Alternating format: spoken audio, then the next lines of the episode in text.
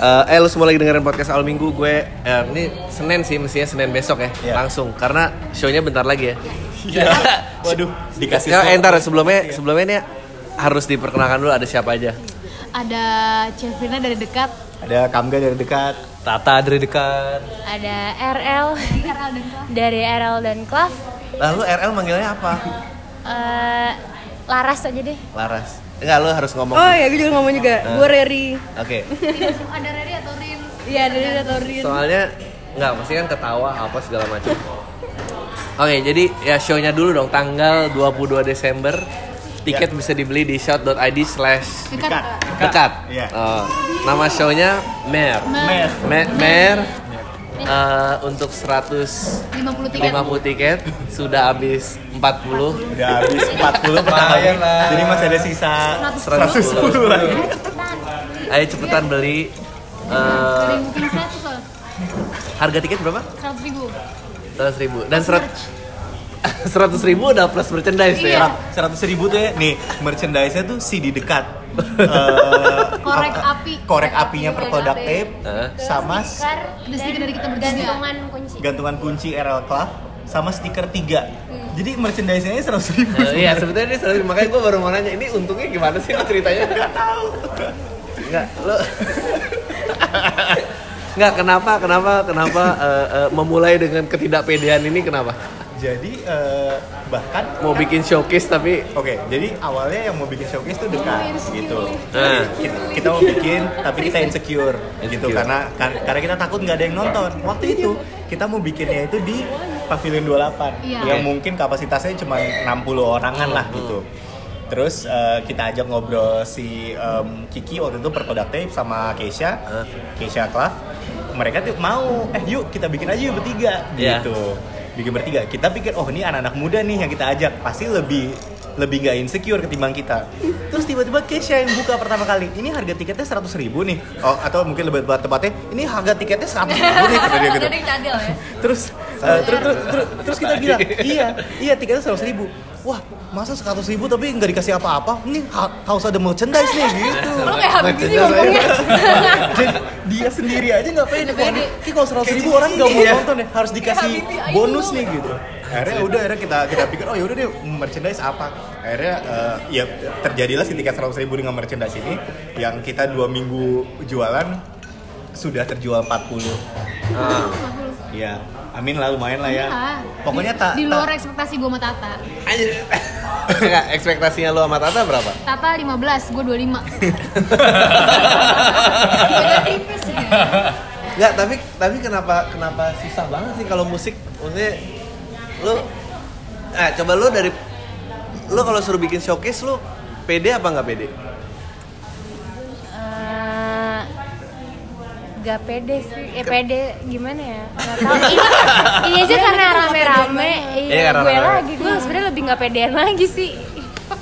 RL dan Klav tuh bawain apa aja sih?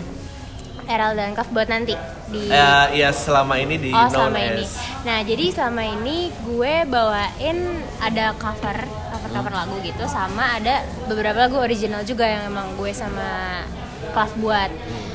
Tapi yang baru rilis itu baru satu doang sebenarnya. Jadi dari ada empat ya, empat empat lagu original kita selalu bawain itu live. Tapi belum yang tiga itu belum belum rilis. Genre-nya apa sih? Genrenya itu soul R&B ish Ah. lah. Gue tuh pas denger mereka kayak wah ini eh, kembali ke masa jaya banget nih gitu. Tapi mungkin lagunya lebih baru. Tapi eh, lu biasa lu yang berharap datang tuh siapa aja?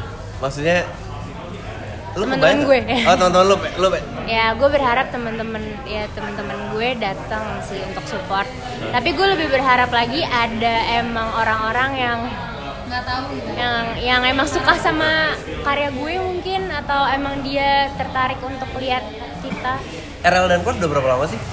setahun sih Setahun. kurang lebih Manggung banyak dong, kayaknya RL di mana-mana deh. Enggak ya? Eh, Bisa lumayan ketemu dekat ceritanya? Teman super main. sih. ini lah yang menyatukan kita Semua semua, karena kenapa lu ngeliatnya gimana, Ri? Kenapa lu harus nyatuin mereka? Berarti nggak sengaja. Jadi emang teman main, gue sama Kesha emang teman kampus, terus sama Kiki juga. Sering main, terus nonton dekat juga.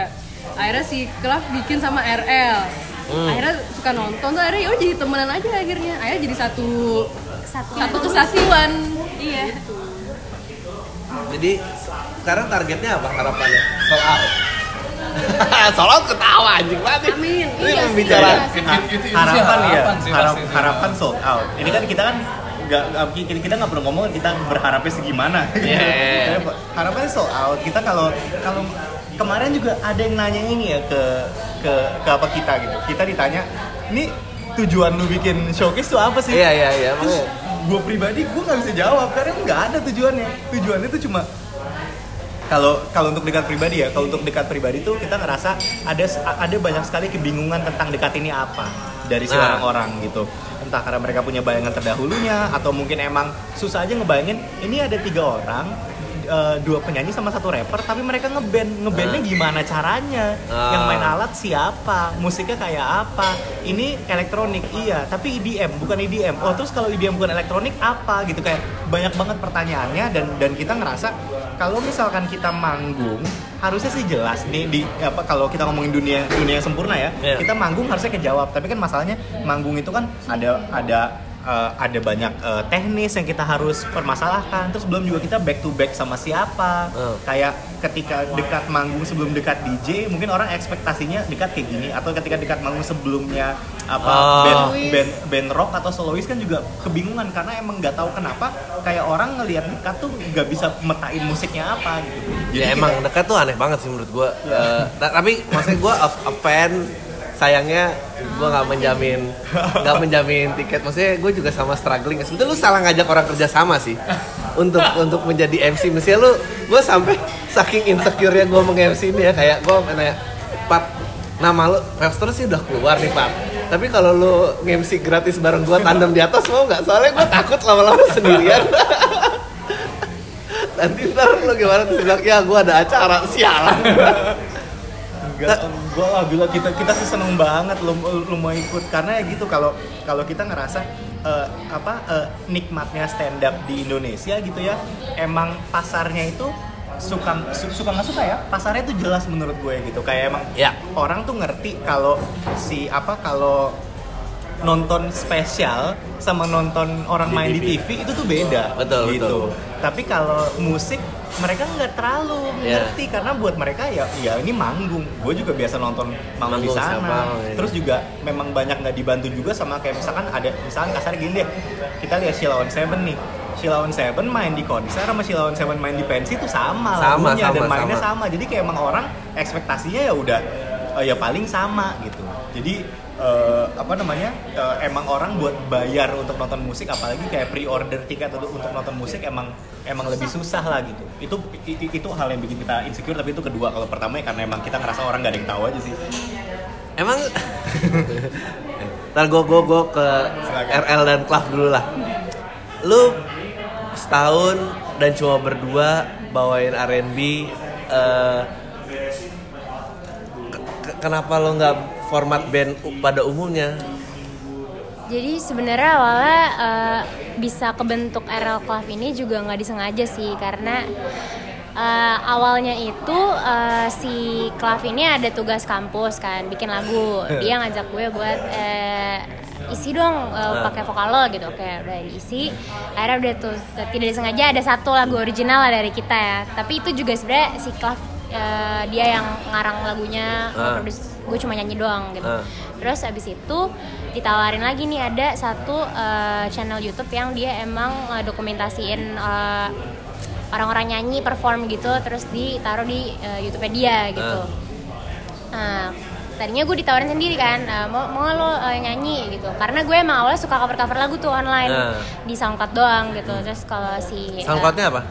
Rizky Larasati Oke. ya terus si eh, Klav Klav juga lagi bikin proyekan dia yang Klavnya itu nah karena si Klav ini eh, lagunya gue nyanyiin dan gue juga nggak bisa main musik kan kalau Nah. live jadi yaudah deh kita bikin satu aja bikin dari situ eh, udah mulai ini nih udah mulai eh, dapat apa Recognition. ya recognition dari orang terus kita ditawarin eh, untuk di acaranya si eh, YouTube channel ini juga namanya Sunyata Hmm.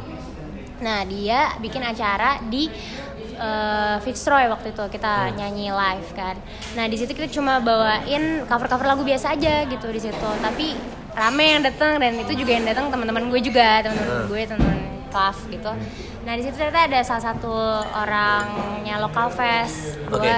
nonton kita. Terus di, di situ dia nawarin buat "Eh, lo mau nggak tampil di lokal fest gitu. Wah gila juga ya udah ditawarin main di situ gitu. Tapi di situ posisinya eh, kita nggak punya lagu original kan dan di situ dia bilang di situ kalau mau tampil lo harus punya lagu original minimal tiga gitu Oke. kan Waduh gimana nih? Gue langsung Ci gimana nih? Eh Klaf Eh, Eci nggak apa-apa. Ya Ci, Saya gue manggil dia ya. Eci. Eci, gitu. eh, Ci gimana nih? Eh, apa namanya tapi kita masih punya lagu original dan waktunya cuma hamin dua minggu gitu kan terus yaudahlah kita buat aja pet di situ Nah. gue juga rada panik juga nih gimana gue bisa Nah. bisa jadi bagus bisa jadi hancur juga gara-gara gue baru persiapan dua minggu doang kan akhirnya yaudah kita nekat bikin lagu eh, dalam waktu dua minggu itu kita tampil dan dari situlah udah mulai eh, di situ gue juga bertiga kan sama Ya. ada satu eh, pemain saksofon Ya. Dovi jadi kita Oh, jadi ada saksofonnya. Nanti Iya, ada saksofonnya? ada Oke. jadi dan nanti kita juga bawa satu featuring baru lagi eh, Ah. dia gitaris Oke. yang emang kita bikin lagu proyekan sama dia juga jadi intinya se- semenjak itulah nah gue awalnya nggak ngebentuk band kenapa? Karena sebenarnya gue juga nggak nggak terlalu mau serius komit komit lah gitu di sini. Gue juga takut kalau misalnya karena Eci- si Eci ini mau serius di Clav gue takut gue yang nggak komit ini nggak hambat dia gitu. Kalau gue Ah. jadi bagian officialnya dia gitu. Tapi entah kenapa ya udah akhirnya kita terbawalah selalu bersama sampai hari ini. Sampai orang-orang juga banyak banget yang nanya kenapa lo nggak bikin satu band aja? Kenapa Ah. RL plus class gitu? Karena gue emang belum siap komit sebenarnya awalnya gitu nah ini dia Langsung gabung aja dulu dulu. Pesen dulu. Pesen dulu ntar langsung gabung aja. Halo, Pak. Nah, Ini bareng ya. gitu sih saluran yang sama nih kayaknya. waduh. Waduh. Shit. nggak menurut lo eh, siapa siapa orang yang harusnya datang untuk nikmatin lagu-lagu lo buat show besok? Penggemar apa yang harus datang? Penggemar Soalan R&B. ya soalin R&B. Semua R&B harus datang karena emang ya neo neo soul kali ya Neo jatuhnya soul, oke. apa yang udah pakai elektronik elektronik gitu New Soul tuh siapa sih? Coba reference. Eh. Lu sebut reference 2 atau 3 gitu. neo soul itu Enggak, New Soul tuh Neo masih New Soul nggak? Tai udah tua gitu. udah tua gitu. neo soul tuh apa ya Misal tuh Gue sempet ngomong kayak aduh gimana mereka jelasin? bawain Gimana ya bingung ya jelasinnya? Can We Talk bawain nggak? Dia baru lahir gue pasti. juga gue juga bingung jelasinnya Siapa nama besar yang umum yang bisa dijadiin referensi untuk musiknya RL dan Class? Now, now Now. FKJ sih Apa? FKJ Masuk nggak sih? French kiwi juice ya. French Kiwi Juice. FKJ. karena konsepnya si Klav kan multi instrumentalis gitu dia Iya, iya, kayak iya. pindah dari gitar main SPD main Show off show off keys, gitu Iya, kan. iya. ah, Show off show off so, so jago gitu. Iya. Semua dimainin. Nggak, tapi tuh itu, itu gen- beda generasi banget Iya. gak sih? Maksudnya kayak dulu tuh anjing angkatan kita tuh kayak spesialis dalam satu instrumen tuh penting. Iya. Sekarang tuh kayak ya sutradara tuh ya kayak vlogger maksudnya lu dari mulai lu ngeset kamera, talentnya lu juga, yang edit lu juga, musik engineer lu juga dan musik tuh kayak gitu juga ya. Sekarang tuh emang masanya udah lebih gini kalau dulu ada performer ada produser jadi produser sama produser sama musician tuh biasanya dua, dua orang berbeda Iya, Gitu, memproduce separate. musik sama Iya. ya. sekarang tuh produser di atas panggung Gitu. Iya iya iya. jadi Oh. emang em- em- emang si si industri sekarang lagi dikuasain produser Ah, Contohnya itu DJ Khaled. ya. Jadi dia ngejual dirinya gitu produser tuh udah Dia artis juga. Heeh. Produser tuh sekarang walaupun dia cuma bikin musiknya doang bisa ditulis di nama lagunya itu kayak Iya iya iya. iya. produced by. Ini tuh semuanya yang nge-kickstart gara- kayaknya Pharrell ya. Yang maksudnya untuk mainstream ya, referensi Kayak mulai kayak bisa dibilang gitu deh. Iya sih. Nah, maksudnya produser keluar uh, dia kerja sama siapa pun dia selalu ada di video klipnya dan apa dan segala macam. Bisa dibilang gitu sih tapi bahkan kalau ka- ka- kalau menurut gue bahkan sekarang pun udah udah baur emang emang ada produser kayak gitu maksudnya produser kayak Pharrell eh duduk Ayo udah duduk aja. Pro- produser kayak Pharrell produser kayak mungkin em, DJ Khalid gitu sekarang yang emang mereka emang selalu mengedepankan mereka. Tapi kalau menurut gue sekarang udah segitu baurnya sampai hampir semua penyanyi sekarang tuh in way adalah produser gitu. Iya. Kayak kal- kal- kalau dulu tuh kita selalu lihat kayak oke eh, misalkan ada satu band, oh band ini anak didiknya siapa. gitu. Eh. Kalau sekarang tuh nggak ada, emang bener-bener kayak, kayak misalnya kalau misalnya sebut Nao gitu. Gue denger Nao, gue percaya kalau Nao tuh produce albumnya. Walaupun mungkin mungkin dia memproduseri bersama siapa, tapi dia produce albumnya. Bahkan kayak kak kasarnya penyanyi paling pop deh, Sam Smith. Ah. Sam Smith tuh produce albumnya sendiri bareng Eh. sama orang. Jadi emang udah emang sekarang udah jarang banget ada performer yang emang separate sama sama karya yang dibikin gitu. Pasti udah ketika ini lagu lo berarti lo yang lo apa lo yang konsep lo yang bikin lagu lo terlibat di uh, pembikinan musik lo bahkan terlibat di uh, di mixing sama sama hasil akhir albumnya gitu It, oke. Eh, ini coba lu suaranya harus dikenalin dulu sih. Apa? Ini telat nih. Ya siapa nih? Eh nama ya lu RL ntar nama lu. Bukan perkenalan aja. Ya gue Keisha, gue dari Klaf. Nggak datang. Halo. Na- namanya namanya dari Perproduktif. lu sendiri. Nama Nah, asli siapa ya? Ini kalau ah, ini, ini ini ini pelakunya ya dua orang ya. Ke- Kenapa sih jadi shifted kayak gitu kayak Apaan? generasi sekarang musisi generasi sekarang tuh kayak se- semua dihajar sama satu orang gitu. Kan Kalau dulu kan, instrumental. maksudnya dulu format band da- band orang spesialisasi instrumen, terus tuh produser terpisah lagi, terus ya, terus lu Kenapa sendirian? ah, kenapa jadi kayak gitu tuh? Kalau gue sih awalnya gara-gara gue kan ngeband emang dari awal. Ah. Dari SMP gue ngeband, SMA gue ngeband. Nyampe gue ada di suatu titik yang gue ngeband tuh nggak ada yang bener gitu kayak kebagi-bagi otaknya Oh. nggak satu misi satu misi gitu-gitu sekalinya udah nyambung ada kepisah gara-gara kuliah segala macem sampai akhirnya udah deh gue stop ngeband dulu deh gue jadi additional additional aja masalahnya terus eh, pas tapi pas jadi gue jadi session player gue ngerasa kayak bosen juga kan lama-lama gak ada lagu sendiri pingin Ah, tetep iya, bikin iya. lagu Lo kalau jadi session player player apa? main drum Oh, karena main emang drum. basic gue main drum Oh, biasanya drum. terus jadi gue nyampe di satu titik yang akhirnya gue pingin bikin lagu cuman gue gak mau ngeband karena ya gue pingin gue- ya gue pinginnya ya udah nih kayak merasa gue merasa lebih gampang kalau gue ngatur sendiri segala Jadi macem drama-drama band kayak nggak gue keluar dari band itu itu udah gak ada tuh ya. Itu cerita referensi masa lalu tuh ya. Nah, jadi kalau kayak Dewa heboh ganti vokalis tuh udah nggak ada tuh ceritanya ya. Oh, sedih juga ya. Ka- kalau dari Purple Duct Tape musik lu tuh kayak apa sih? Dan siapa yang harus menurut lu harus datang Musik gue. harus datang ke showcase ini? Oh, gue semua orang sih. Iya kan, kalau semuanya mau datang bagus kan. Yang penting sold out ya. Iya, iya gue nggak tahu.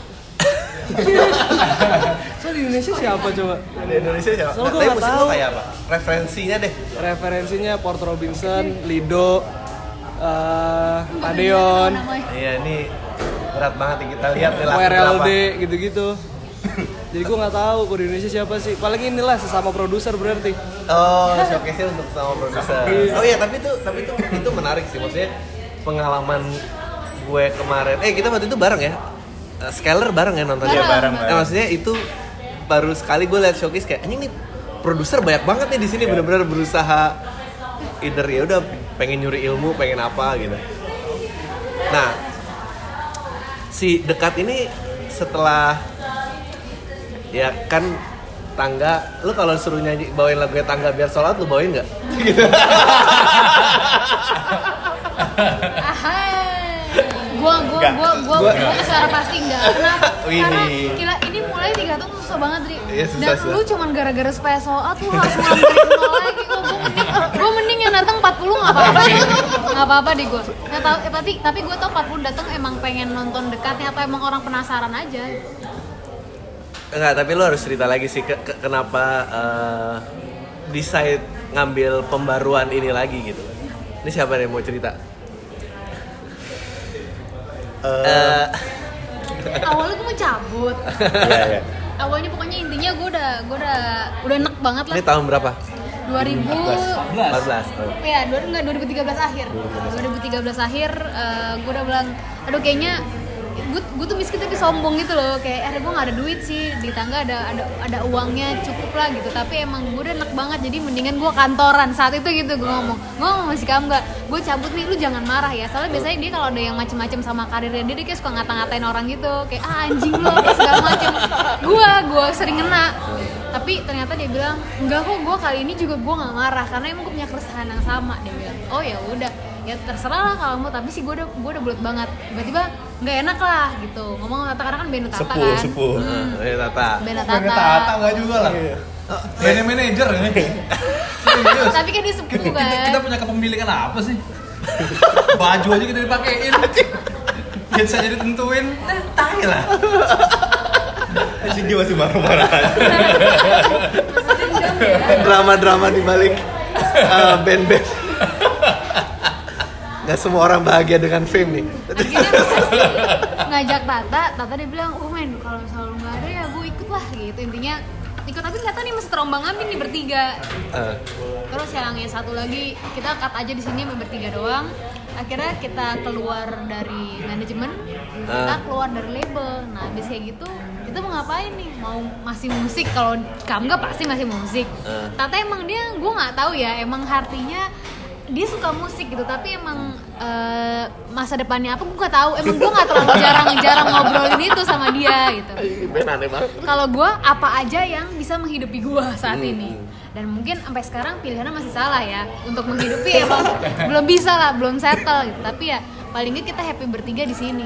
Ternyata emang masih pengen musik dulu nyoba lah Tapi gue yang gue salut tuh kali kalian tuh nyoba kayak lu nge-reform, lu bener-bener apa jauh banget gitu. Dan lu nge-push musik tuh sampai anjing ini sih bahkan indie di antara yang indie sih ini masih akan ahead banget. Lu bener-bener nggak kawa apa maksudnya kayak gua aja kayak kalau stand up sih udah otomatis kayak yang nggak mungkin gua doang yang ketawa tuh nggak mungkin. Mau Iya. nggak mau gua gua harus pikirin gimana caranya ya paling nggak dia ngerti lah point of view gua dia nggak ngerti reference ya nggak apa-apa tapi harus bisa gua steer gitu nah lu nge-push musik sejauh ini lu nggak khawatir jadi begitu coba nih udah nggak ada rem aja gitu blong aja gitu Rem sih ada. Rem- gini gini kalau kita remnya tuh cuman gini loh. Ketika kita dengar, "Ih, nggak enak ya." Iya. Nggak enak tuh rem gitu. Eh. Karena ki- kita Sama durasi sih, kita masih tahu diri kok durasi Kita nggak pernah bikin 4 lagu tiba-tiba dia 5 menit ke atas tuh nggak mungkin. Oh. Bahkan kayak kemarin aja 20 itu cuma 3 menit 7 detik gitu. Kita kita berusaha ini pas masih enak abis gitu. Pengennya sih gitu. Tapi tapi emang kita fokusnya remnya enak gitu. Kayak kita kita nggak mau bikin lagu cuma cuma keren doang kita nggak mau. Kita nggak mau bikin lagu cuman aneh doang nggak mau. Kita mau bikin lagu yang enak. Tapi emang eh, emang arah musiknya ke sana kita juga nggak pernah niatin sih emang tiba-tiba lagi bikin terus moodnya ke arah situ ya udah ke sana tapi emang kita pribadi kita nggak pernah ngeluarin lagu dan ngerasa kalau lagu yang kita keluarin susah kita kita tuh nggak pernah Oh iya, iya. emang- gue sih seneng banget. kita Maksudnya kalau lu dengerin topik-topiknya tuh topiknya eh, sehari-hari banget gitu, yang yang bajingan lah, yang you know nggak nggak nggak jauh gitu. Tapi modern twistnya itu yang bikin orang kayak, oh ini orang ada nggak ya crowdnya? Gue sih kalau ngeliat, nggak ada sih deh nggak ada nggak tapi SMA gitu, maksudnya SMA kuliah gue sih kalau ngeliat lu live itu kayak ini kayak footage-footage-nya bagus-bagus banget ya semua orang intuit. Iya, iya, Eh, iya sih, iya sih. Ki- Kita harus akui sih. Eh, Kayak, apa eh, salah satu maksudnya gini gue menikmatinya gini gue nggak hafal lagunya tapi kalau gue denger lo mainnya bagus kayak anjing ini gue bisa ikutin sih karena banyak banget eh, musisi yang sebut skill itu yang paling pentingnya nggak ada jadi tergantung lu punya hits baru lu punya following gitu Ka- Kalau kalau gue ngerasa gini dari dekat itu keluarnya di saat yang cukup tepat Hmm. menurut gue. Nggak tepat banget tapi cukup tepat. Kenapa gue bilang gitu?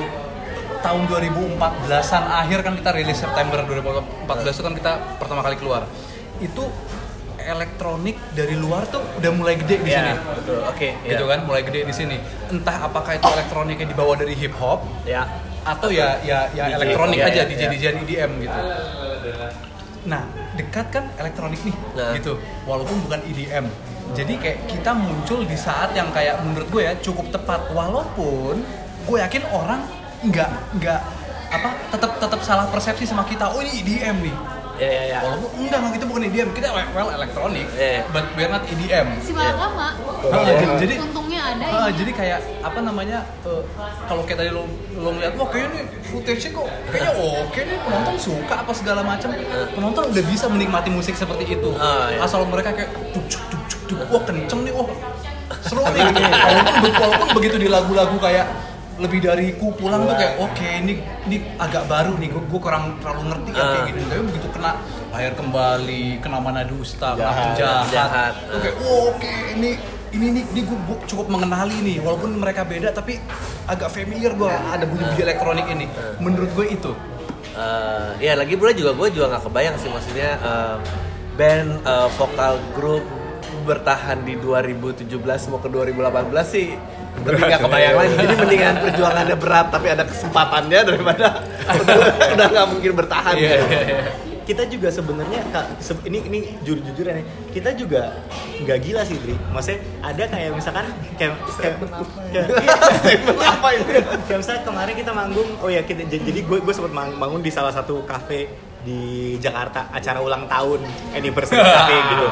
Eh, Restoran lah, restoran. ya restoran. Yang kalau misalnya kita bayangin itu di di luar di luar nih misalkan kayak Amerika gitu ada acara eh, apa namanya penutupan restoran yang main dekat itu cocok banget Ah. gitu. Tapi karena ini kita main di Jakarta Selatan yang emang ininya beda jadi ketika ki- kita main kita ngeliat oh kafenya bagus eh, terus kayaknya ya orang-orangnya ya orang-orang orang-orang spend. Jadi denger musik kita harusnya cocok. Tiba-tiba band sebelum kita itu mainin mainin kahitna. Dan Oh, pas sih. dan pas mainin kahitna tuh mereka gini. Terus kita kayak wah mati nih. Mati nih gua. Prahara Ini cinta gitu. begini. Iya. kita kayak oh mati nih. Terus akhirnya kita kita manggung satu jam dan emang mati. Kita bawain 13 lagu ya banyak banget. Kita kita mati dan pas pulang kita bertiga ngobrol. Kayak lu ngerasa gak sih kalau panggung-panggung kayak gini bawaannya pengen bubar? Kayak, iya pengen bubar ya. Ngapain sih? Gitu. Maksudnya kayak tetap ada gitu ya. yang gue berharap adalah semoga kita nggak pernah nih ini gue masih bilang anak-anak ini semangatnya masih ada walaupun Chefrina negatif sekali dan Tata positif sekali gitu. Tapi kayak semangatnya masih ada. Tapi gue cuma berharap semoga kita nggak dapet kayak 10 manggung berturut-turut kayak kemarin. Karena gue dapet 10 Nggak bagus buat manggung nggak bagus nggak bagus. gue yakin bubar. Manggung kayak gitu gue yakin bubar. At least eh, kita vakum dulu deh men. vakum dulu kayaknya emang nggak bisa deh. baru cuma tiga tahun vakum lagi. Nah, tapi ini ini buat semua sini juga challenge buat gue kayak terus di di environment kayak sekarang eh, elektronik musik banyak eh, istilahnya apa ya tadi eh, that one man show ya one band person itu terus eh, dengan musik streaming dan segala macam. Sekarang tuh nyari nyari audience tuh gampang apa tambah susah? Tanya Kiki tanya Kiki tanya perempuan ah gampang apa tambah susah? Oh, gue sih gue sih nggak tau nggak pernah ngerasain gampang gue masih muda kan. Eh. gue baru mulai juga jadi nggak tahu gampangnya gimana. Kalau main Date- musik sih udah lama dari SMP cuma Date baru mulai 2 tahun. Eh, oke. Lu jadi nggak tahu? Nggak tahu nyari audiens tuh gimana caranya sebenarnya nggak tahu. Jadi sekarang kebahagiaan bermusik aja nggak nggak bahagia juga sih gue gimana sih Enggak. Eh, tapi kayak kalau misalnya eh, lu mau connect sama audience terus create following ta- eh, target ke depannya lu kebayangnya apa? ngapain ya Album akan keluar nggak? akan akan Kapan? Janu- ah, Janu- kayak awal tahun tapi belum tahu bisa Januari bisa Februari itu EP juga short ini album Hmm. Dan dia tuh kayak dan dan dan gue dan dan dan gue udah udah dengar beberapa isinya keren banget Ri Iya iya iya. Lu sebetulnya bisa bisa aja sih ben- bener perjalanan karirnya tuh mulai ada banyak kayak eh, kalau yang baru yang gua tahu kayak Bird and the Bee. Iya. Itu kan dia tidak mengincar, dia nggak mengincar mass audience. Dia mengincar telinga-telinga produser aja. Terus habis itu kan si yang lakinya itu kayak Sia dibikin dia, Adele dia, sampai Foo Fighters aja dia hajar juga maksudnya Foo Fighters eh, berubah banget gitu kan. It- itu possible nggak sih di sini? Kalau Klav gimana? Klav nyari penonton mau connect dengan siapa? Mau yang dikejar? anak muda ya lagi jatuh cinta Rese banget pacarnya. Mungkin dia kan R&B maksudnya R&B sempet jaya di 2000-an. Anak-anak kampus gitu sih gue rasanya. Sekarang orang-orang masih dengerin R&B gak sih? Anak-anak kampus? Masih ada marketnya sih. Masih ada marketnya ya? Biasanya possible lagi untuk scene itu hidup? malah kayaknya lagi Malah kayak lagi mau hidup lagi Hmm, kayaknya ya. Everything is a throwback ya pokoknya. yang orang hitam Shit, R&B udah mau throwback. siapa Oh, Daniel Caesar. iya Terus lu eh, selain oh ya, showcase ini susah juga ya lu mau tanya siapa yang bakal loyal ngefollow lu dan apa gitu itu belum kebayang ya pasti. belum sih cuman lebih gampang sih kalau tadi kan lo nanya Ya, kan apa, Army, ah. apa Nyari audience. nyari audience kalau di- dibandingin SMP gitu lebih gampang sih gara-gara kemajuan teknologi kayak Spotify kan ada kan tuh yang dengerin Ah, oke. umurnya berapa terus dari Ah. mana gitu-gitu di Instagram juga ada kelihatan followersnya tuh dari mana bla bla blanya di SoundCloud juga jadi kalau gue sih ngerasa lebih gampang nyari market dibanding zaman dulu gitu sekarang udah lebih Nah, coba yang dari perbandingan zaman dulu yang punya perbandingan dua-duanya. gini eh, kalau ka- ka- kalau kita waktu pas zaman zaman tangga kita ngerasain nikmatnya close market sih jadi kayak Nikmatnya apa? Apa nikmat nikmatnya close market Oke. jadi kayak zaman zaman kita dulu 2005 lo kalau nggak masuk label orang nggak tahu. Ya susah. jadi Untuk emang ya. iya. Jadi emang kasarnya kita tuh udah dikasih slot untuk masuk ke media-media yang besar. Apalagi dulu belum ada YouTube segala macam kan. jadi orang mau nggak mau nonton RCTI udah In- Indosiar gitu.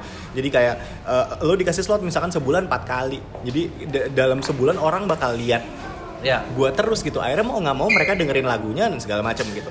Ketika sekarang sekarang nih eh, sekarang nih open market gitu. Buat anak-anak kayak Klav eh, apa gitu ini ya adalah pasar yang cocok gitu. Karena ya sekarang orang udah udah udah bener bebas. Lu mau dengerin apa aja bebas. Kayak kayak si apa label bisa tuh maksa. Label bisa maksa orang untuk dengerin artis mereka di Spotify karena karena label bisa masukin artisnya ke eh, chartnya Spotify atau new playlistnya Spotify kasarnya kayak kasarnya kayak lu mau denger apa tapi ada yang kerekam kok. Iya.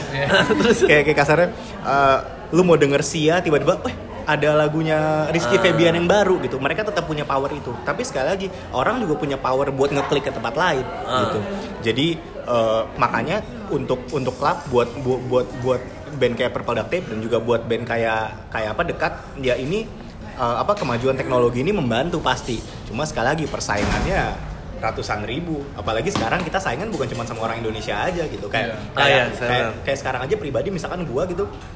Gua misalkan eh, ada ada artis Indonesia nih. Hmm. dia berubah lah ngeluarin album. Gue mau denger tapi tiba-tiba ada siapa keluarin lagu? Misalkan eh, Zain Malik keluarin lagu baru. Gue pasti dengerin Zain. Ya. Dulu- gue bisa dengerin dia untuk sebentar. Lu kita nggak head to head lah istilahnya Ah, tuh sekarang udah udah dibuka banget jadi ya saingannya sama apa pun. Anjing ribet. Kayak susah apa iya sih gue gue nggak tahu sih. Jadi kalau nggak itu kan bikin perspektif kayak jarak antara pengertian si pembuat musik sama yang actually masih nikmatin musik tuh kan gapnya jadi makin jauh gitu kan. Iya. Menurut lo sendiri dari lo semua sebesar apa sih yang kira-kira achieve bisa achieve buat band lo? Lo kebayang nggak band lo nanti sebesar apa gitu? Misalnya tiga tahun lagi harapan lo harapan lo RL dan Clav tuh ini masih RL plus Clav apa emang udah lebur jadi satu? Karena dia tadi ngomongin tentang nggak bisa komit. Dan kayak tiga tahun lagi? Atau gini deh gue ah, itu terus sorry Hmm, kalau gue sih eh, apa ya? Gue sebenarnya sejauh ini masih kayak gimana ya? Gue nggak terlalu berekspektasi besar. Tapi kalau misalkan emang masih selama ada yang ngedukung gue, gue ngeliat orang juga masih eh, appreciate sama apa yang gue buat. Itu ya itu sih yang bikin gue terus berkarya gitu ya.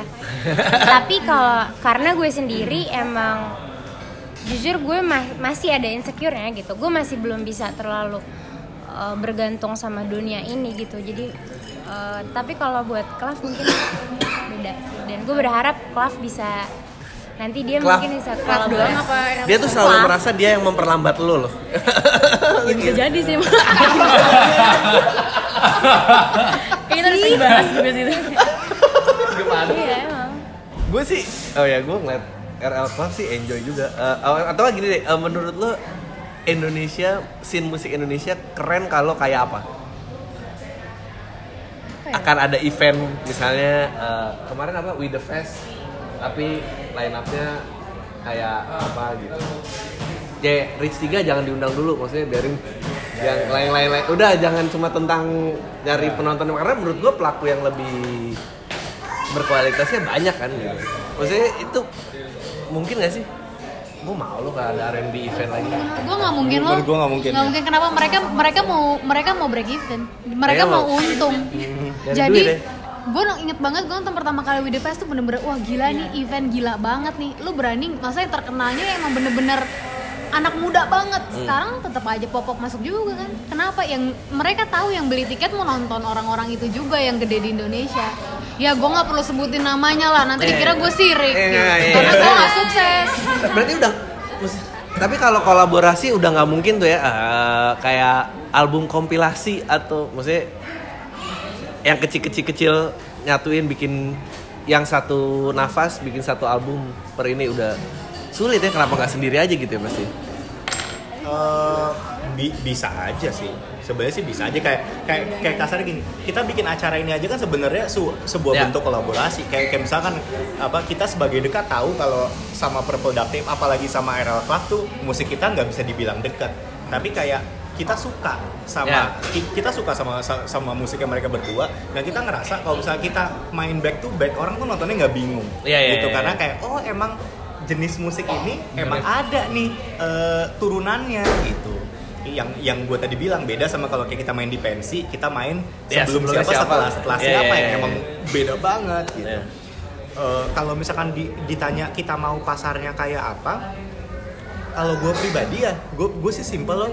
Gue pengen pasar Indonesia tuh bisa bisa adil. Ya nah, adilnya gimana? Bisa eh, bisa eh, pl- playing fieldnya tuh level gitu. Nggak level karena gini jelasin level Oke. itu Eh, level tuh apa nih? Level apa nih? Oke oke, gini gini. Jadi eh, Indonesia itu emang kita tuh apa ya eh, sistem eh pertemanan itu pertemanannya tuh ke- kenceng. Gitu. Oke. Jadi kayak ya bu- bukan Asas kayak ke- kekeluargaan, men. bu- bukan kayak Kolek. keluargaan sih, tapi lebih kayak komunitas gitu, community based. Ah. Jadi kayak kayak kasarnya, oh gua sebenarnya musik yang mereka biasa aja, tapi gua harus suka karena mereka bagian dari gua. Gitu. Oh. Atau misalkan kayak, eh, wah gila musiknya unik ya, Hmm, tapi orangnya nggak terlalu ya, jadi gua nggak mau. Gitu. Nah, atau gitu di komunitas gue musik yang aneh-aneh itu orang pada suka kalau gue nggak suka berarti gue nggak masuk komunitas ini dong jadi gue harus suka padahal gue nggak suka Jadi kayak kita tuh kalau kalau ka- kalau kalau menurut gue Indonesia itu kenapa kita belum bisa nikmatin musik kayak kasarnya Singapura deh gitu sebelah Hmm. gitu. Nah. Karena Singapura tuh udah sampai di fase di mana mereka tuh dengerin musik jujur. Enak ya enak, nggak enak ya nggak enak. Nah. Tapi kalau di kita kita masih yang kayak "Hmm, nggak enak sih, tapi kan mereka keren. keren, ya. iya, iya, Harusnya iya. enak nih atau enggak "Hmm, ini enak sih, tapi mereka nggak keren ya gitu. Ma- itu alasan kenapa kayak sampai sekarang anak-anak yang mungkin kayak eh, teman-teman lu atau nggak teman-teman gua itu masih nggak berani ngomong kalau armada tuh enak Oh, atau nggak berani iya, ngomong iya. a- a- atau kayak masih nggak Karena bisa ngerti image-nya Amarda, iya, a- a- atau Wali, nggak bisa nggak bisa ngerti kenapa wali besar gitu Iya, iya. walaupun alasannya udah jelas di depan mata eh karena lagunya enak banget tapi Iya. nggak bisa karena mereka bukan bagian dari gua nah itu yang Packagingnya nggak sesuai iya, gitu ya. itu yang gue sayangkan banget karena dekat ketika kita main di luar Jakarta kita nggak berasa itu kayak misalnya kita, kita main di Surabaya kita ngerasa Surabaya tuh playing fieldnya tuh level Oh. kayak kayak bisa ada band rock bisa ada band kayak kita dan ada band kayak siapa lagi dan orang nonton dan nontonnya kayak kalau mereka suka mereka stay kalau mereka nggak suka mereka cabut mereka nggak Oh. bakal lihat kayak "Hmm, ini siapa sih Ah, mereka iya, nggak iya. lihat gitu Ya, itu itu kayak pretentiousnya Jakarta sih, Hmm, pretentious iya. Jakarta. Itu yang gue sangat sayangkan gitu karena menurut gue kenapa di luar musik itu bisa bisa hidup semua karena emang playing fieldnya udah nggak kayak gitu lagi gitu. Nah, I- itu yang gue eh, maksudnya gue gue berharap banget nggak tahu bisa bisa kapan ya. Nggak nggak tahu kapan si bubble ini bisa bisa Iya. akhirnya hancur.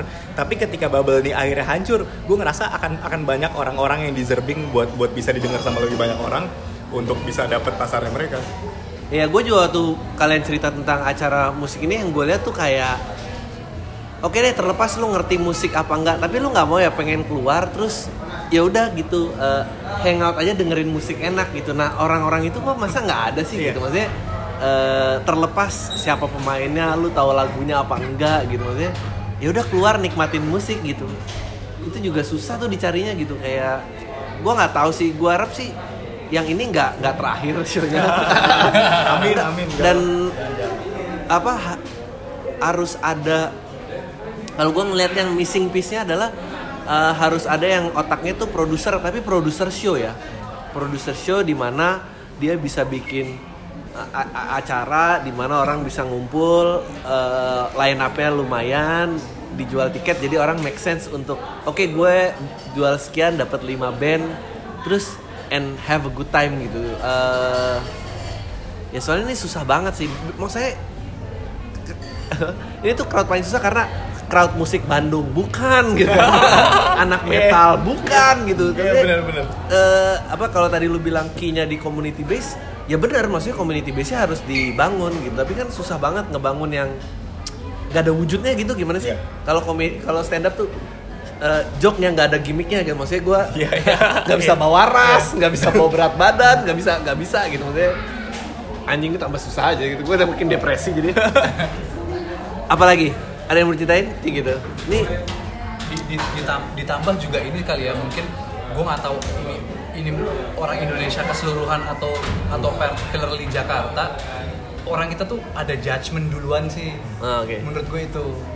Judgement Ju- kayak apa yang biasa lu terima? Judgment misalnya ya eh, apa misalnya itu kayak yang tadi Kamga bilang nih gue berhubungan sama tadi Kamga bilang kayak eh, tampilan luar image itu itu pasti kan itu Ah. bungkusan kan kayak wah ini akan akan dilihat sekali lah gitu. Ah. Judgment dari situ tuh. Iya, iya, iya. Nah, berbeda dengan si tetangga kita itu cuma jarak 2 jam flight Singapura. Don't know, gue gue gue nggak merasakan ada judgment dari mereka. Apa nih musik nih? Kayaknya seru. Dulu kan lihat, wih seru ya. oh lu sempat showcase di Singapura ya eh Iya, main ya main di Singapura dia di Esplanade Ah, gitu Ya, ki- tahun ki- lalu ki- kita tuh otak kita tuh rusak gara-gara itu, Gri. coba gimana di Singapura kayak, ceritain nah ini eh, dia nih wah ini Jadi kita main di Singapura, Ah. eh, main eh, set akustik sama main set em, live Full. gitu normal Ah. full. Kita belum pernah ngerasain manggung Ditreat proper profesional. sebelumnya karena emang kita selalu ma- manggung ya sound system salah segala macam bla bla bla gitu. Oke udah kita main akustik itu eh, floor monitor paling enak yang pernah kita denger eh, so far. Terus Soundcheck paling benar. iya soundcheck paling paling benar. Terus penontonnya asik segala macam lah. Oke tapi itu kan akustik kita masih nggak ada bayangan karena emang musiknya dekat sebenarnya nggak terlalu kerasa kalau misalnya ak- akustik kan gitu. Terus kita main eh, besoknya eh, kita main live eh, terus abis itu kita main dua set. Set pertama pokoknya penonton happy banget. Dan, dan, dan emang kebanyakan penonton bukan orang Singapura. Jadi emang ya turis lah gitu kebanyakan. Ada orang Malaysia juga ada orang ba- banyak lah gitu. Negaranya aneh-aneh.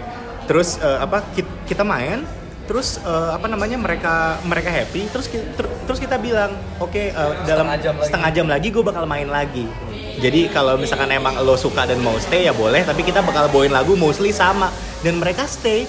Mereka nonton show yang sama dua kali terus abis itu eh, kita jadi kita ke sana bulan September kalau nggak salah ya. September. Kita bikin eh, eh, CD April. Kita produksi CD ini seribu nih. Si band bodoh ini lah seribu. Dia pikir seribu ada yang ada yang gitu. terus eh, eh, kita kita jual CD di apa selama berapa bulan di Jakarta? Jual berapa lah paling 70 80 lah gitu ya. Terus kita main di sana kejual 120 130 semalam. Wow cuman dari orang yang nonton dan orang yang nonton bener-bener literally everywhere ada yang dari Brazil ada yang dari Korea ada yang dari Kolombia terus orang bilang gila ya musik lo ya dan kita mainin lagu bahasa Indonesia Iya, gitu. iya. Yang jauh gitu ya. "Ah, kasarnya lo bukan orang dari negara gua eh, eh, lo nggak punya obligasi untuk untuk untuk appreciate Iya. eh, apa yang gue mainin jadi lu stay karena lu suka pasti Iya, gitu iya. terus else. uh, uh, terus udah nih kita kita main di apa Singapura kita kita happy banget. Yang kita happy pertama kali adalah pertama oh ternyata kita real deal ya. Ternyata kita bagus Yeah, ya. yeah. karena buat se- selama setahun, setahun setengah kita ngeband kita lihat penonton kayak gitu kita selalu bertanya apa emang kita kita mungkin jelek kali mungkin kita bagus di kepala kita doang kali gitu kan. Kita main di sana terus kita ngerasa kayak emang bagus deh kita. Terus be- terus abis itu literally abis dari Singapura kita pulang main di Jakarta dan gak ada yang nonton. Jadi kita balik ke Jakarta yang nonton kayak 10 20 orang yang Iya. uh, apa gitu. Terus udah kita main basi terus uh, treatment dari si uh, acaranya juga mereka tahu kalau kita band kelas B lah kasarnya Uh. jadi mereka nge-treat kita asal-asalan lah gitu kasar dan dan kita kayak gila ya gue lebih di appreciate di sana loh daripada di sini padahal yang gue bawain sama sama persis di situ kita langsung ngerasa iya emang emang e- emang penontonnya beda gitu. mereka mereka emang fase judgmental tuh mereka lewat mereka Iya. udah lewat gue cuman ke sini gue menikmatin musik gue Iya, nggak iya. suka ya gue cabut gitu Iya. udah. Nah, selain Esplanade paling paling pecah lagi dekat di mana? Yang paling memorable? Sunsphere pertama kali ya. Iya loh. Soundsphere pertama kali. Ya. pertama kali. Kali. So- 2014. Soundsphere pertama kali itu juga kaget kar- karena kita cukup yakin gak ada yang nonton. Oh, di ruangan gua nonton kalau nggak iya, salah nih. lu nonton, lu Eh. nonton. Iya itu. Kenapa pecahnya? Oh, karena orang-orang benar-benar Karena, nikmatin. ka- karena orang nonton Penasaran sih Iya sih, mereka lebih penasaran karena kita baru berubah banget yang waktu emang baru selang dua bulan atau apa. Jadi mungkin mereka penasaran mau tahu ini band kayak apa gitu. Tapi kalau kalau gue pribadi yang yang gue paling su- yang gue maksudnya yang bikin gue eh, merinding gitu ya di panggung itu Surabaya. Oke. Pertama kali main di Surabaya kita kita kita launching album di sana. Kenapa? Karena emang ketika nonton kasarnya kita tonton 70 orang bisa dibilang 50 orang tuh fans. Jadi Oh. mereka nyanyi, mereka tahu partai tata, hafal rap segala Oh. macam, mereka tahu musik ini masuknya di mana. Oh, iya. Dan kita ngerasa kayak ini ada ya orang Sampai ini tuh ternyata. Iya. ya? Sampai lagu yang kita cover mereka tahu. Kayak gue tahu di band suka cover lagu apa. Iya, iya, iya. Dan dan di situ kita ngerasa oh emang ternyata eh, oh ya di situ juga kita mindsetnya lumayan lumayan berubah. Awalnya kan kita selalu nyari, kita selalu mikir kalau orang yang suka kita adalah orang yang dengerin musik yang sama seperti kita, seperti kita lah gitu. Iya, iya. Dapat dapat dapat Kamga, Chevrin dan Tata yang lain. Tapi ternyata enggak. Emang ketika lo keluarin musik Iya. Emang siapa yang kena aja? Ada anak kuliah, ada bapak-bapak, ada Iya, cewek iya. kerudung, nggak ada yang tahu. Tapi Iya, iya, tiba-tiba benar. emang mereka entah kenapa sama musiknya kena dan mereka suka. Dan Iya. di situ kita baru kayak, iya ternyata emang ini, ini musik yang kita bikin ada kok pasarnya, cuma mungkin emang nggak banyak aja. Emang manggung-manggung yang kayak gitu sih harus bisa jadi energi eh, yang nahan untuk 20 manggung berikutnya yang sucks gitu. Iya. Maksudnya kayak, lu harus Iya, iya, ingat-ingat bener. kayak kalau di kafe yang kosong anjing tadi satu, dua, Iya, tiga iya. ya maksudnya emang harus gitu. Nah, sekarang eh, RL dan Klav lu manggung paling hacep berasa ada momen kayak anjing nih ternyata kita real deal nih nih, nih ikut lead something nih ikut atau ikut lead somewhere tuh di mana? Surabaya gue. Surabaya gimana ceritanya? Surabaya tuh acara kampus Senair. Mereka pas nonton sih bukan yang kayak heboh-heboh yang excited gimana gitu. Cuman mereka emang lagu kita juga sampai Ah. gitu sih Cuma mereka stay, mereka merhatiin dan kenapa kita berasa dia appreciate banget karena abis gue turun banyak nyamperin gitu, banyak nyamperin kayak mereka bilang suka lah bla bla bla bla dan mungkin lebih berasa kayak appreciate lagi karena ini kita di luar kota ya, ternyata di luar kota udah udah bisa ada yang mengapresiasi musik kita bahkan di Jakarta pun gak segitunya makanya pas di Surabaya gue happy banget sih. Ini pas kapan sih? Berapa tahun lalu? ya Wall of Fates juga seru sih Ya walaupun juga Rame. seru sih, rame. Itu kapan dan kapan? Surabaya kapan ini? Surabaya itu baru. apa sih? Oktober, akhir Oktober. Oktober kemarin. Oh, terus yang sebelumnya? Wall of Fame tahun lalu. tahun lalu Yang Nanti di kita main lagi. apa? kita diundang lagi tahun ini di Wall Di of Wall of Fates Face-nya apa namanya? Wall apa? Wall of Fates Wall of Fates, acara jeans gitu. Oh, acara jeans. Siapa aja lain apa waktu itu? Waktu itu ada Mantra Futura, bandnya Tristan. Oh. Terus siapa lagi ya? Yang gue tahu gue itu doang sih. Kalau berproduktif ceritanya pak ini nih Saya, belum merasa Oh, manggung paling Gue gua sekali itu di acara SAE EMP Night. Jadi bener acara itu kayak cuman di dalam jadi di SAE itu ada ada satu ruangan isinya green screen gitu, green screen gede. Itu ruangan kecil banget terus di situ penuh. Kayak paling cuma 20 orang tapi penuh gitu. Terus orang-orang pada nontonin gue serius, ada yang headbang, ada yang kayak weh weh gitu, Ah. Gue seru banget. Itu udah paling seru cuma sekali sih gue ngerasa seru. emang sisanya yang lain kayak apa ada gak sih yang seru? Itu doang. yang lainnya compare yang lain maksudnya kan bedanya SMA jadi kayak kurang. pada biasa pas kalau biasanya emang lo manggung responnya gimana? Ya orang nggak ada yang peduli gitu sih biasanya kayak cuman lewat. Terus kalau di situ belum pernah sampai headbang gitu gitu seru banget. Soalnya kan gue kayak di meja terus bawahnya ada proyektor gitu ada layar. Tuh orang-orang pada nontonin. Itu lucu banget kayak nonton bioskop kayak nonton layar tancap tapi kecil di bawah meja gitu. Seru banget. Tapi lo emang membutuhkan eh, visual effect apa memang? Iya soalnya nggak tau gue ngerasa kalau musik gue nggak ada visual effect basi sih. Oh gitu. Eh, eh sekarang tuh lo visual artis siapa lu juga Enggak, gue nyolong dari YouTube. Dia dari YouTube gue gue potong-potong kecil-kecil, udah dimasukin ke lagunya. ya ini sih udah lumayan 50 menit nih ada lagi yang mau diomongin 10 menit lagi nih ya. Enggak, nggak usah 50 oke sih. Nggak ada harapannya udah beli tiket aja if Oke, lo mau kasih pesan apa buat yang mau datang? If you wanna Eh, buat em, yang dengerin eh, PAM eh, buat kolam tainya Adri. Em, mungkin sih lo belum pernah denger ya dekat itu gimana, perproduktif itu gimana, kelak itu gimana. Kalau misalkan lo abis denger obrolan ini tertarik mau datang, kita sih senang banget. Kalau misalnya dari obrolan ini kalian tertarik mau cek aja dulu gitu, silakan lagu-lagu kita ada di Spotify, tinggal tinggal dicek aja. Pokoknya dekat, dekat. Kalau produktif sama. Spotify produktif itu RL Club ya? Sama. Sem- semuanya bisa dicari di di apa Spotify. Kalau misalkan suka tinggal tinggal beli tiket. Eh, kalau misalkan lo gini deh gue sih pengen kalian bayanginnya gini aja. Kayak lo mau nonton satu acara stand up yang lu tuh nggak tahu Ya, si ya. orang ini bakalan lucu atau enggak Nah. gitu sejelek-jeleknya hal yang bisa kejadian adalah oh ternyata nggak lucu ya. Itu doang yang Lu lu bukan bukan- sejelek-jeleknya paling nggak lu puas lah pulang gitu nggak ada ya? Asli. Kayak, kayak kayak apa eh, apa namanya eh, ternyata ternyata nggak lucu ya. Udah itu itu sejelek-jeleknya. Tapi hal yang kita bisa bisa janjiin ke kalian adalah kita nganggap acara ini serius banget Ah. jadi ja- ja- jadi nggak mungkin tiba tiba tiba-tiba eh, kita di sana terus yang kayak nggak jelas eh bawain lagu apa ya oh ini Oh, apa iya, nggak iya. nggak Po- pokoknya kita kita mempersiapkan tiga jam musik nanti main itu se, se- seserius-seriusnya yang Tiga jam nih? Acara mulai jam berapa? tiga jam Eh, acara mulai setengah delapan sampai jam 11 wow Gitu. Ya. jadi kalau gue eh, bawa pacar cocok apa enggak cocok gue Bawa lagi deketin cewek cocok nggak cocok Enggak. Oh enggak, lu gimana sih? Oh iya. right. Lu baru dek, lu baru deketin cewek RL Club ya? banget. RL Iya, Club iya, cocok iya. banget ya. Jadi gini, pokoknya gini, RL Club ini tentang everything's about love. Ah, oke. Kalau Perbulatan tuh emo banget, jadi kalau lo anak emo lo Iya. nonton Oke. Perbulatan. Sedih, datang. kalau ka- kalau misalkan lo tipe anak yang dulu dengerin emo ketika emo lagi jaya terus lo mau denger versi elektroniknya lo nonton berproduktif Ah, Oke oke oke. Kalau pacaran basi berarti cocok lah ya. Iya, iya, cocok. Pacaran basi terjebak relationship nggak bisa keluar sialan gitu. lo kejebak tapi lo nggak ada yang berani ngomong nah biarin berproduktif yang ngomong buat lo Iya, gitu. atau atau lu nggak bisa move on. Iya. Ah, lu- Oke oke. Oh dekat. Dekat. Wah ini ketika lo ngarepin ulang tetangga jangan datang. Iya, iya, iya. itu itu jangan jangan datang nggak usah nggak usah Saya datang berarti. Saya datang. Ya udah, oke itu aja. Thank you banget ya guys. Semuanya Senin gua rilis, ntar gue tweet, eh tweet, eh tweet lagi. Ah udah, tayo lo semua deh.